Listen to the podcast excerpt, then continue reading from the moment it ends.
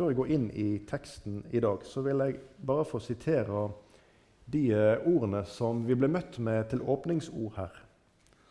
For det tenkte nok ikke du, Erlend, når du satt hjemme og fant et vers til åpning i dag. At eh, det understreker på en måte hovedpoenget i det vi skal ha for oss her i dag. Og Jeg leser da første Korinterbrev, eh, kapittel 1, og vi leser vers 30.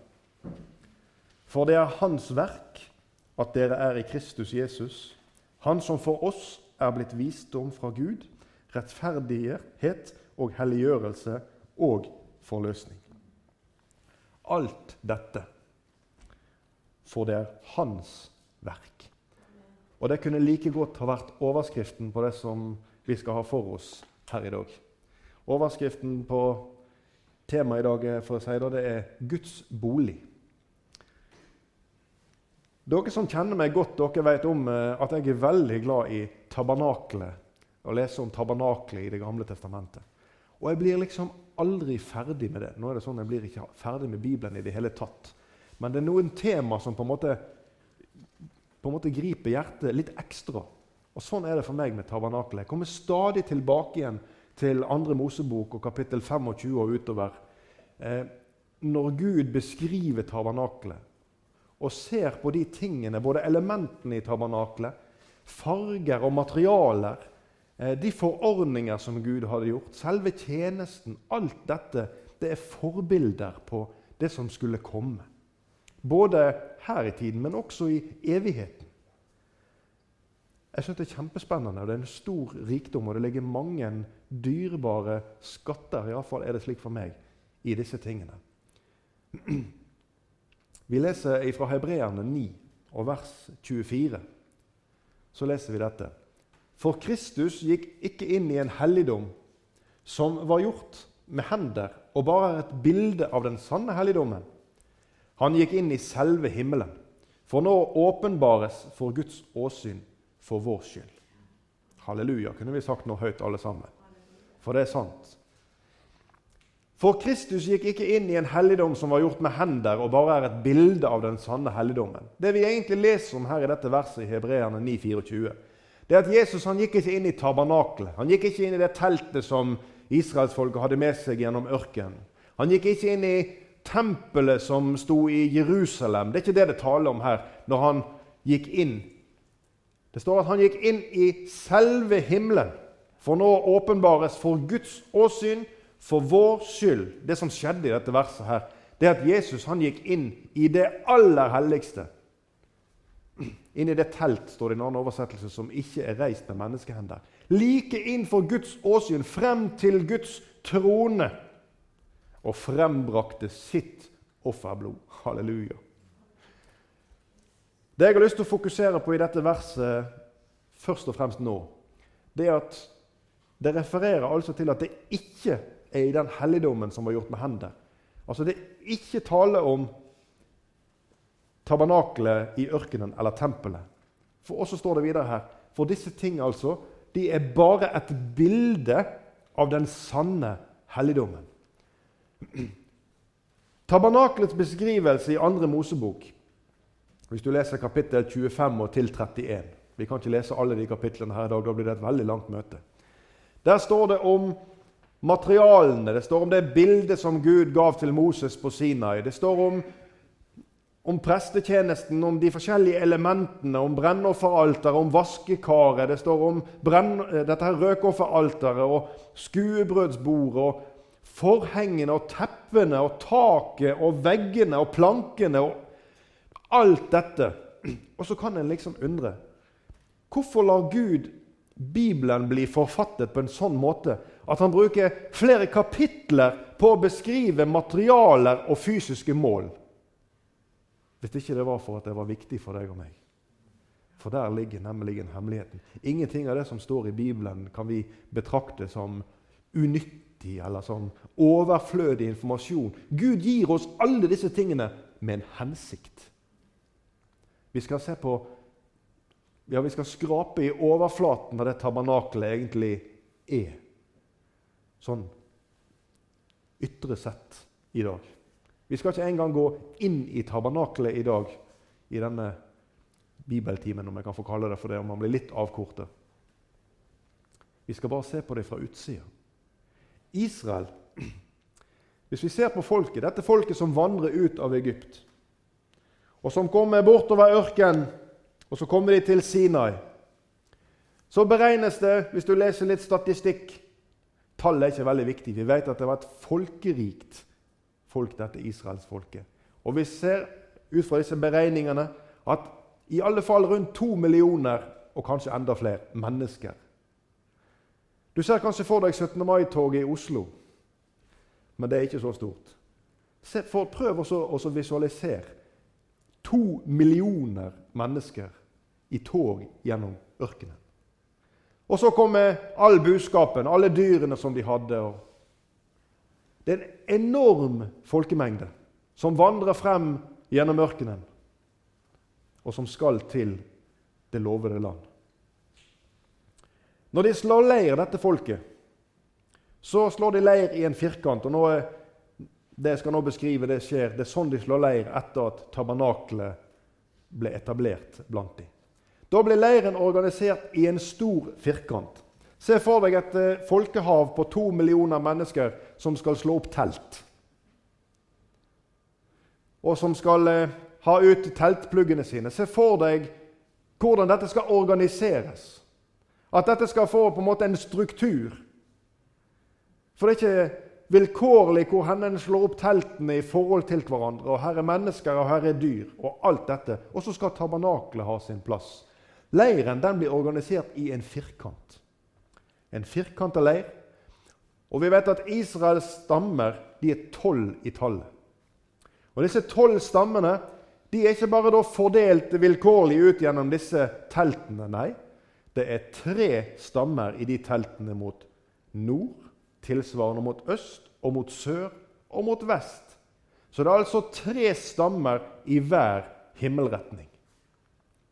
Midt i leiren der står det igjen en stor, åpen firkant. Og der settes tabernaklet opp. Der reises dette teltet og denne innhegningen som Gud har beskrevet til Moses. Og Det skal vi se litt nærmere på.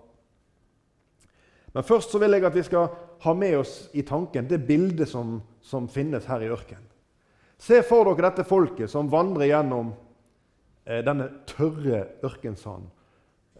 For oss som kjører bil, og det tror jeg kanskje mange av dere som sitter her gjør, og i alle fall så sitter vi på i en bil, har sikkert kjørt bakom en stor bil en eller annen gang, kanskje en lastebil eller en buss, og så var det tørt i veien. Kan du huske igjen at det var en sånn stor støvsky bak? Se for deg dette folket. Denne enorme folkemengden som vandrer gjennom den tørre ørkensanden. Har du vært på badestranda noen gang for å spørre om det?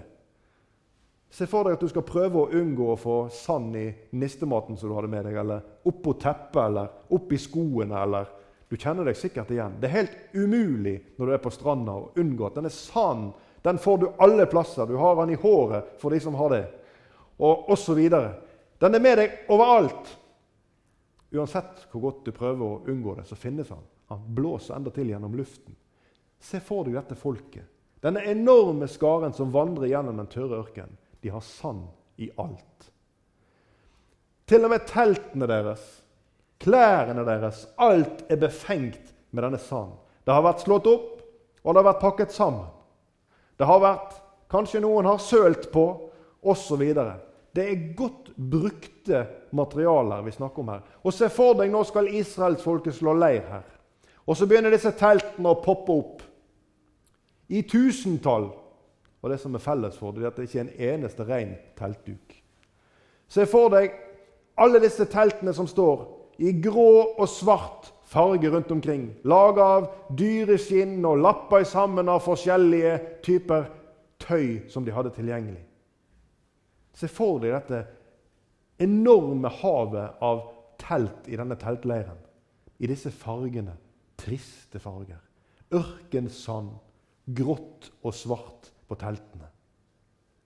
Og så ser du for deg tabernaklet som er reist opp midt i leiren. Et vakkert, utsmykka tempel for Herren.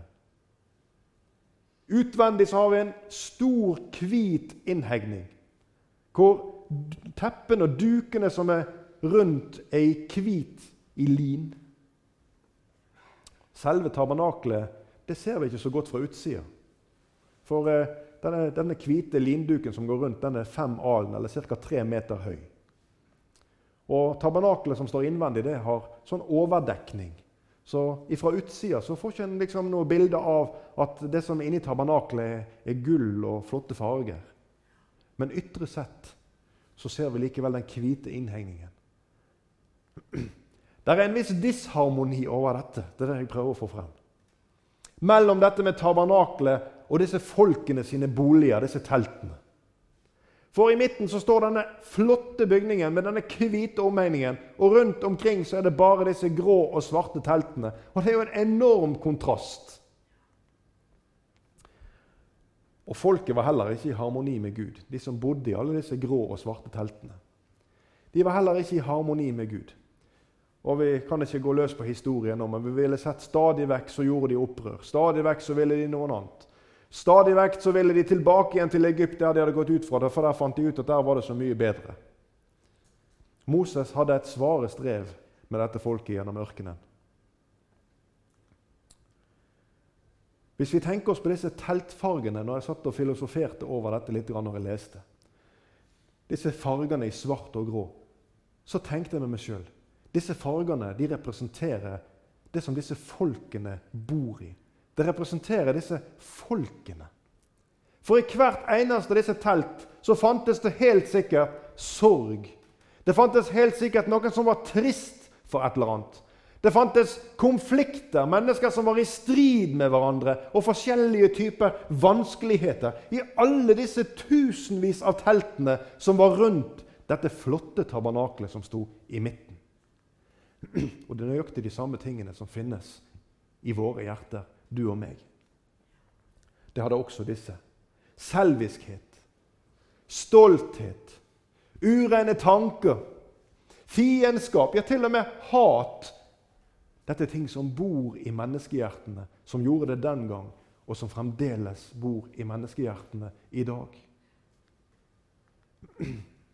Så hvorfor står egentlig denne praktfulle bygningen, eller dette teltet med en slags bygning inni, Hvorfor står den reist opp blant disse menneskene som er sånn? Hvorfor er det oppreist en så flott bygning mellom alle disse grå og svarte teltene?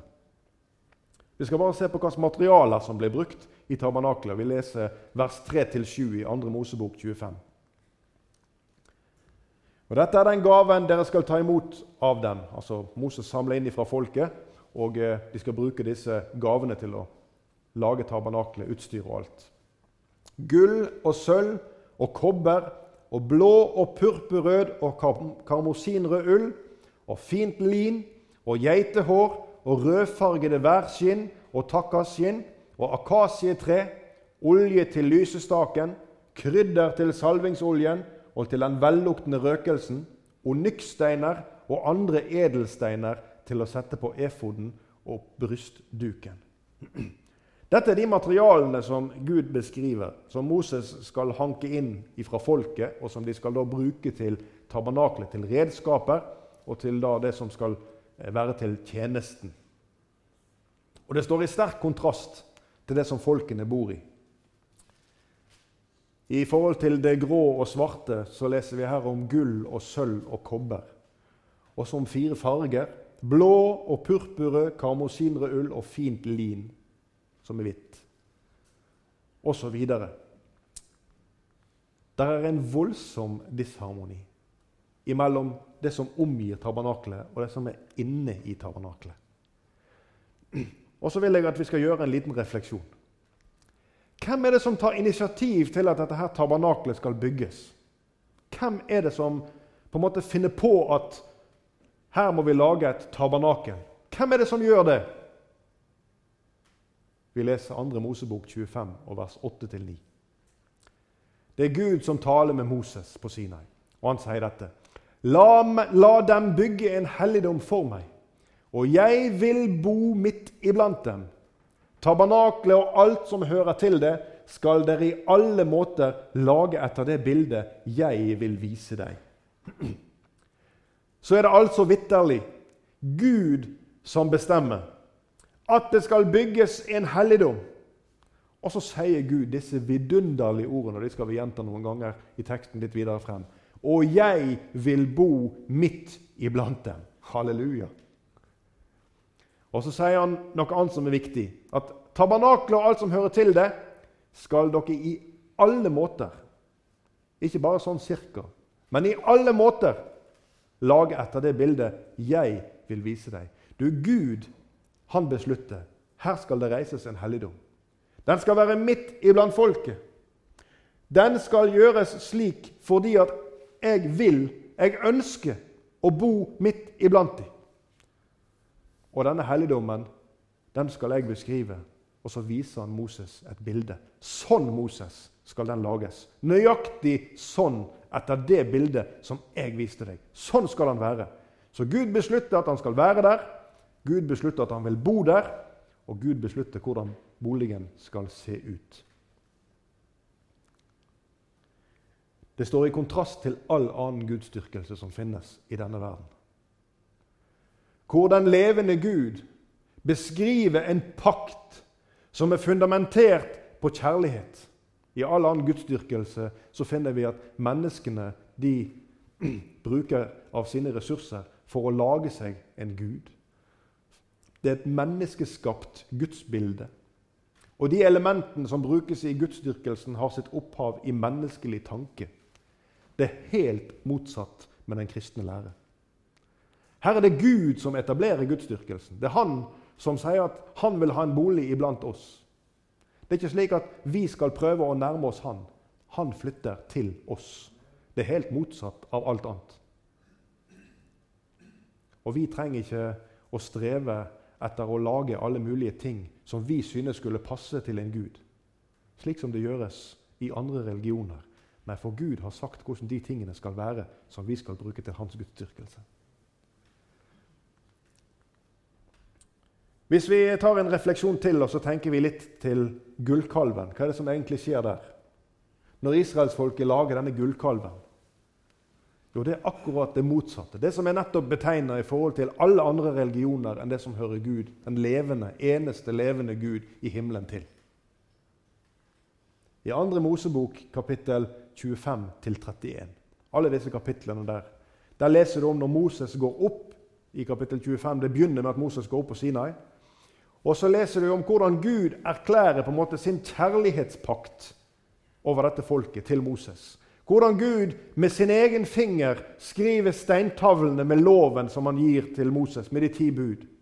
Hvordan Gud beskriver den boligen som vi nettopp leste om, som han har sagt han vil la reise midt iblant de grå og svarte teltene, mellom all denne uperfekthet. Så skal Gud reise noe hellig, fordi at han vil bo der. Og han er ikke ferdig å tale ut med Moses når vi er kommet til 32. For da sier Gud til Moses at Moses, du må gå ned igjen til leiren, for nå har folket gjort en forferdelig ting. Og La oss lese om hva de gjorde. Mens Gud erklærer sin kjærlighet og sin pakt med Moses, så har folket dette for seg. Men nå er det så lenge siden denne Moses dro opp dette fjellet at vi vet ikke hvor han er blitt av. Og så leser vi 2. Mosebok 32 og vers 3-4. Da tok alt folket gullringene ut av ørene og kom til Aron med dem. Han tok imot gullet og støpte det om og lagde det med meiselen til en kalv. Så sa de, 'Dette er guden din, Israel, som førte deg opp fra landet Egypt.' Gud er ikke ferdig med å proklamere hvordan det skal være når han skal bo midt iblant folket, før folket på eget initiativ allerede er i ferd med å lage seg sin egen avgud, sin egen form for tilbedelse. Og Vi kunne lest mye om dette, men jeg vil at du skal ha med deg refleksjon mellom disse to tingene. At den menneskeskapte religion, de menneskeskapte gudebilder, det står i sterk kontrast til det som Gud har etablert for deg og for meg. Til tross for at Gud visste dette. For vi leser nemlig at Guds frelsesplan den kom til før denne verdens grunnvoll var lagt. Gud visste om hva som kom til å skje i Edens hage. Det ble ikke noe overraskelse for Gud at mennesket synder. Gud hadde allerede lagt ut en frelsesplan. Gud hadde allerede tenkt på den nye pakt før denne gamle pakt som vi nå skal fortelle om, ble til. Til tross for at Gud visste om alt dette, så sa Gud likevel La de bygge en helligdom for meg, og jeg vil bo midt iblant de. Vi synger en sang Er ei det kjærlighet? Ja, vi kan undres noen ganger. Hvordan kan du, Gud, ha slik kjærlighet? I en annen sang så synger vi Du visste alt om meg før du meg kalla, og ga meg plass ved nådens rike bord. Gud visste alt dette, men på tross av så lar han reise denne helligdommen. Overskriften på den neste sliden vi har for oss her, der står det 'adgang forbudt'. Og kan nå det stemme? Vi skal se litt på det. Forgården, som eh, på en måte er det, som, det ytre, det som omgir selve teltet, tabernaklet, det er en stor firkanta plass. Rundt denne plassen er det da strekt opp eh, Det er ikke et gjerde, men det er en, en slags vegg, og den er altså tett. Den er laga av hvit lin, så den er kritthvit. Og igjen, Se for deg dette bildet i ørkenen. De grå teltene rundt, og så denne kritthvite linduken hele veien rundt. Vi skal lese om denne her i eh, ett vers, men eh, du kan lese om den sjøl, om hele foregården, i 2. Mosebok 27, og du kan lese vers 9-18. Vi kan ikke lese alt i dag, men vi skal lese vers 18, som omhandler selve denne inngjerningen.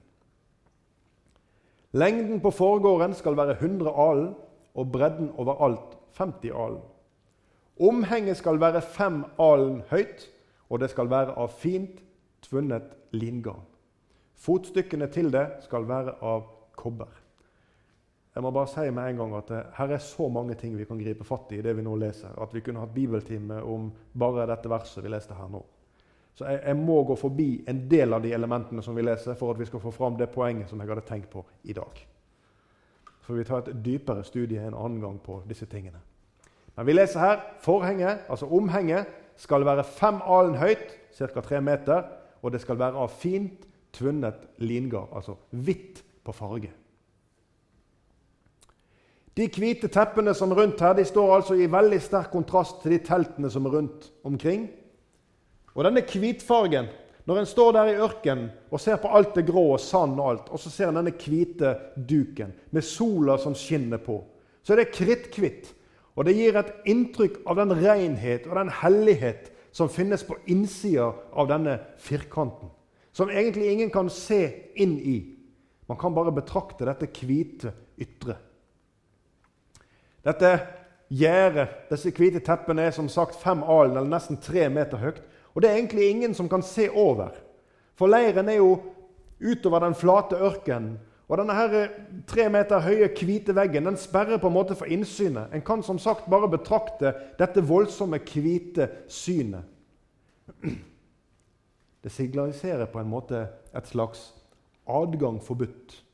For her på utsida her er det bare grått og svart i teltdukene. Her er det bare skitne klær. Mens der inne der er det hvitt der er det noe, noe hellig. Det er liksom En kan betrakte denne hvite og se på sitt eget og se at dette passer ikke helt inn. Der inne foregår det noe som er så rent og hellig at jeg kan ikke gå inn dit med dette. Og så signaliserer det på en måte et slags adgang forbudt. Inn dit kan ikke du og jeg komme. Og det er et alvorlig tankekors. At inn i Guds hellighet, slik som situasjonen var etter syndefallet, så var mennesket adskilt ifra Gud. Gud sendte de ut av hagen som han hadde laga for dem. Og mennesket var for evig og alltid atskilt fra Gud om ikke det var for Guds kjærlighet.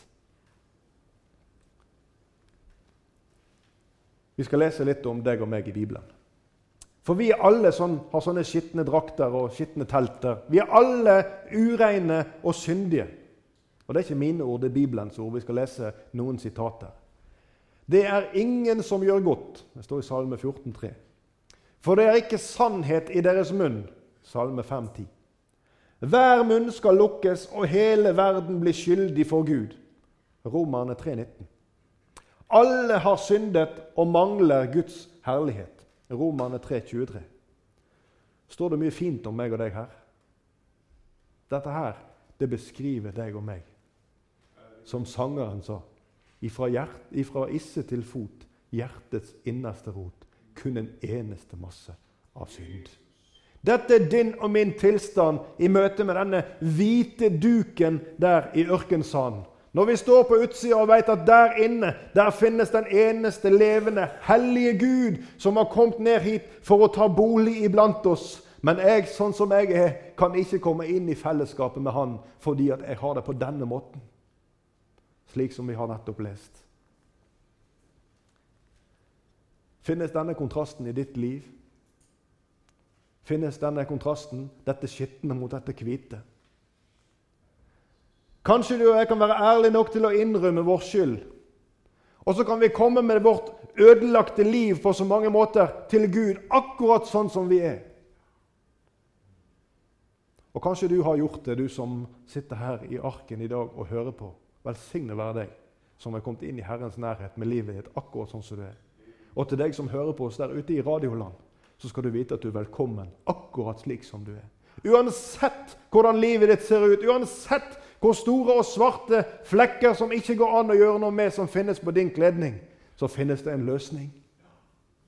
For hvis du har det slik, så er det nemlig et faktum at Gud vil gi deg adgang innenfor denne hvite veggen som du står på utsida av. Gud ikke bare vil gi, han ønsker at du skal komme inn hit. Og du, på østsiden av denne hvite, firkantede forgården så finnes det en port. Det finnes en åpen dør for hver angrende synder iblant dette folket. For hver og en av de som bor i disse grå og svarte teltene med ureine klær, med syndige tanker og gjerninger som ikke hører hjemme innenfor den hvite kledningen. Der finnes en port, en åpen port. Vi skal lese 2. Mosebok 27 og vers 16. I porten til forgården skal det være et forheng. 20 alen langt, av blå purpurrød og karmosinrød ull, og fint tvunnet lingarn med kunstsøm, med fire stolper og fire fotstykker. Vi må stoppe litt for denne porten.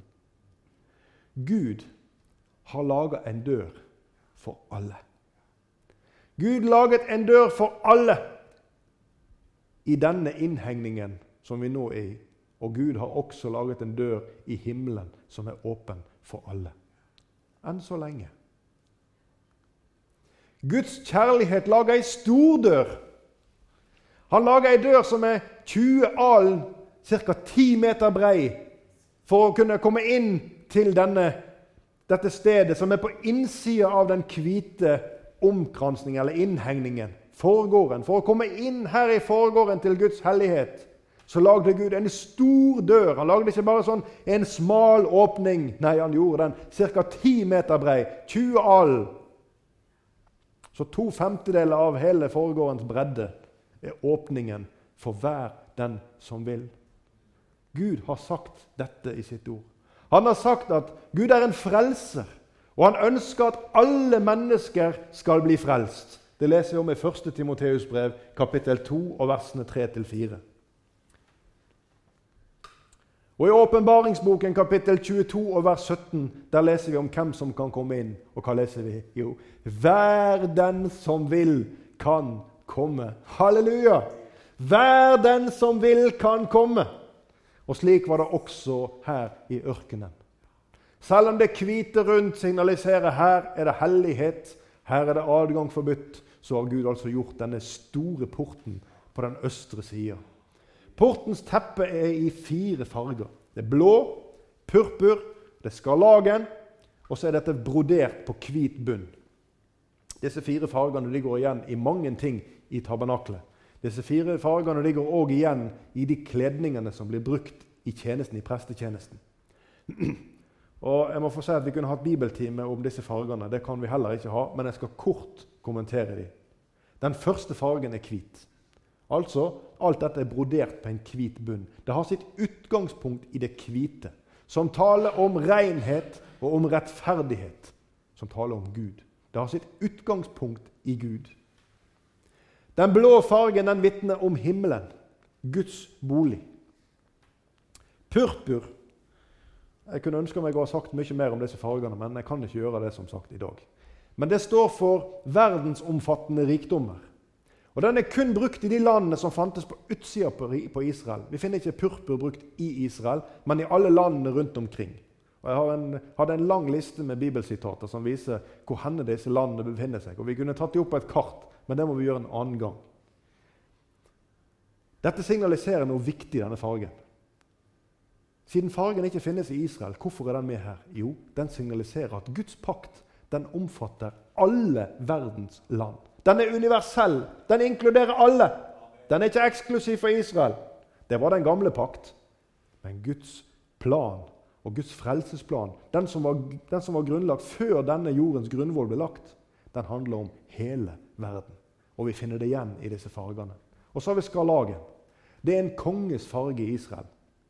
Og Hvis du hadde lest i Matteus om Jesu kappe, den som de tok på han når han ble spotta og håna, og de sa at her er Israels konge, den var skarlagen rød. Jesus, den sanne Israels konge. Så har du lite, en lite bilde av disse fargene som, ingen, som ikke har noe med tilfeldigheter å gjøre. Det er lett å gå inn denne døren. Den er ikke lagd av tre eller metall. Det er ikke sånn at det er tungt å åpne døren for å komme inn.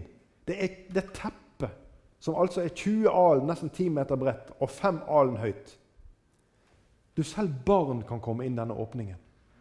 Både unge og gamle er velkommen inn i denne åpningen. Gud gjør det enkelt for at vi skal kunne komme til Han. Og så er det bare én dør.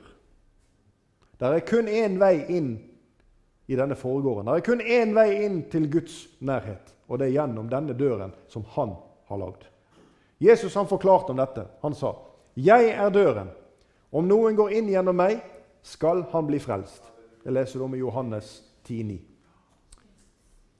Også i Efeserne 2,18 så står det, 'For gjennom Han har vi begge adgang til Faderen i én ånd.' Og For at vi skal lure på hva er begge, hvem er det snakker om her, så snakker altså Paulus om jøde og om hedning. Så hele verden. Gjennom han, altså gjennom Jesus, har vi adgang til Faderen i en ånd. Efeserne 3,12.: I ham har vi frimodighet, og ved troen på ham har vi adgang med tillit. Du, Det finnes én vei til frelse, og det er gjennom Jesus Kristus. Vi leser om forhenget som revner i tempelet inntil det aller helligste når Jesus roper 'fullbrakt' på korset. Så beskriver Bibelen for oss om dette forhenget som revner. Står det 'Det er hans kjød'. Så gjennom Jesus, gjennom Jesus, og hvis du litt billedlig er med meg her, så revner Jesus for din skyld, for at du skal få adgang gjennom dette forhenget som ellers var stengt. Det er kun én vei til frelse. For det er én Gud og én mellommann mellom Gud og mennesker, mennesket Kristus Jesus. 1. Timoteus 2,5. Jesus alene gir deg og meg adgang til Guds bolig. Hvis noen prøver å lære deg noe annet, så er det i strid med Guds ord. Det finnes ingen annen vei til frelse enn gjennom Jesus og den tilgivelse som han vil gi deg. Ingen egne gjerninger, Ingen egne prestasjoner, ingen rikdom, ingen gaver. Ingenting kan kjøpe eller fortjene en plass i Guds himmel. Kun gjennom Jesus. Jeg er veien. I entall, sa Jesus i Johannes 14, 6. Sannheten og livet. Ingen kommer til Faderen uten ved meg. Det alvorlige er at en dag så skal denne åpningen, denne porten, den skal lukkes. Og da blir det et spørsmål til deg og meg. Er du innenfor, eller er du utenfor? Hvilken beskrivelse av disse to passer best for deg hvis du skal si det i ditt hjerte? Jeg er innenfor. Eller jeg er utenfor. Det er et alvorlig spørsmål. Vi ser hverandre når vi treffes på møte, og for noen så er det en sikkerhet i hjertet omkring dette spørsmålet. Andre de har en usikkerhet og bærer på 'jeg innenfor' eller 'jeg utenfor'. Andre de erkjenner i sine hjerter når de hører disse ordene, at 'jeg er utenfor'. Du, En dag skal denne porten lukkes. Og kjære deg, da må du være innenfor. For når denne porten lukkes, da er det for seint å komme inn om du er utenfor. Jesus ønsker å gi deg sikkerhet i ditt hjerte. Du skal slippe å gå og lure på om du er innenfor. Du trenger ikke bære på dette. Jesus ønsker å gi deg frelsesvisshet. Vi bruker gjerne det begrepet. Dersom du i ditt hjerte tror at Gud oppreiste ham fra de døde, dersom du med din munn bekjenner at Jesus Kristus er Herre Du kan lese i Romerne 10,9. Så står det Da skal du bli frelst. Det er så enkelt. Det er ikke 'dersom du med din munn bekjenner og ditt hjerte tror' um, og gjør så godt du kan. Eller å aldri ha tvil. Gud han har gjort dette absolutt. Han har sagt at hvis du har tro og bekjennelse i ditt liv om at Jesus er Herre, om at han er Guds sønn, din frelser, så er du innenfor. Punktum. Uansett hva djevelen ønsker å forstyrre din frelsesvisshet med, så skal du si det til han. Jeg er frelst i Jesu blod. I troen på Jesus så har jeg plass på innsiden, så når porten en dag går igjen, da er jeg innenfor. Du må erklære det, ja, proklamere det for han, at han har ingen del hos deg, du som tror på Jesus. Gud gjorde disse tingene som jeg nå skal beskrive, tross at han visste hvordan vi var. Han sa, 'Jeg vil bo midt iblant dem'. Det leste vi om i 2. Mosebok 25, 25,8. Så med alle våre feil og mangler Gud vil bo midt iblant oss. Gud gir oss adgang til sin hellighet gjennom en åpen port. For enda er det nådetid. Og Gud han lagde denne åpningen og det gjorde han når han ga oss sitt dyreste offer. Det ytterste, ultimate offer. Det eneste som kunne sone all synd. Det ga Gud i kjærlighet. Johannes 3, 16, den sitter spikra hos veldig mange mennesker. For så har Gud elsket verden, at han gav sin sønn den enbårne, for at hver den som tror på ham, ikke skal fortapes, men ha evig liv. Hvem var det som elsker? Vi tar begynnelsen en gang til. For så har Gud elsket verden. Du, Det var derfor han sa til Moses, 'Jeg vil bo midt iblant dem'. Det var Guds kjærlighet. Det var ikke folket, folkets gjerninger. Du, Vi var villfarne, vi var skitne, men han kom og tok bolig iblant oss. Og fremdeles er denne porten åpen for hver og en som vil komme inn. Enten de er her i arken, eller de lytter på oss ute på radio. Så er du velkommen inn gjennom den åpne porten som Gud har lagt åpen. Enkel, stor. Det er lett å komme inn, og du er hjertelig velkommen. Da har jeg forfattet en sang om denne porten. Jeg skal bare lese disse versene. Den ble skrevet midt på 1800-tallet, 1862, hvis jeg ikke husker feil. En port til himmelen åpen står, der Jesu kors nå tindrer. Derfra en stråleglans utgår som sorg og smerte lindrer. Den port for alle åpen er, som seg fra synden vender, og rekker mot sin frelse, kjær de hjelpeløse hender. Ja, åpen står den for hver sjel. Guds nåde er den samme. For rik og fattig, fri og trell. For hver nasjon og stamme. Og så kommer refrenget. Og hvilken nåde, Gud hos deg, at porten åpen står for meg. For meg, for meg, den åpen står for meg. Kjære Jesus. Vi må bare prise navnet ditt, Herre. At du gjorde dette mulig, Herre. Herre, vi kan bare stå på utsida og betrakte din hellighet. Og vi forstår, Herre, at vi er syndige mennesker, Herre. Vi forstår at vi er i konflikt, Herre, med det som du forlanger av oss, Herre. Og vi har ingen del i ditt rike om ikke det var for din kjærlighet. Om ikke det var for den frelsen som du gav oss i din sønn Jesus Kristus. Halleluja, Herre. Takk for denne åpne porten, Herre. Takk for det du signaliserer til oss om hvem som kan få komme inn gjennom alle disse fargene og disse materialene som du lar beskrive i ditt ord. Herre Jesus, takk fordi at du gjorde det mulig for oss, for meg, Herre. Vi skal alle få komme til deg, Herre, som vil, Herre. Og vi skal med visshet i våre hjerter få si til deg at vi er inne i din nærhet den dagen når porten går igjen, Herre, hvis vi tar imot deg, Herre, og den frelse som du tilbyr. Takk, Herre Jesus, for at du valgte å komme til oss. Takk, Herre Gud, fordi at du lot ta bolig iblant menneskene på tross av alt, Herre. Takk for din kjærlighet. Amen.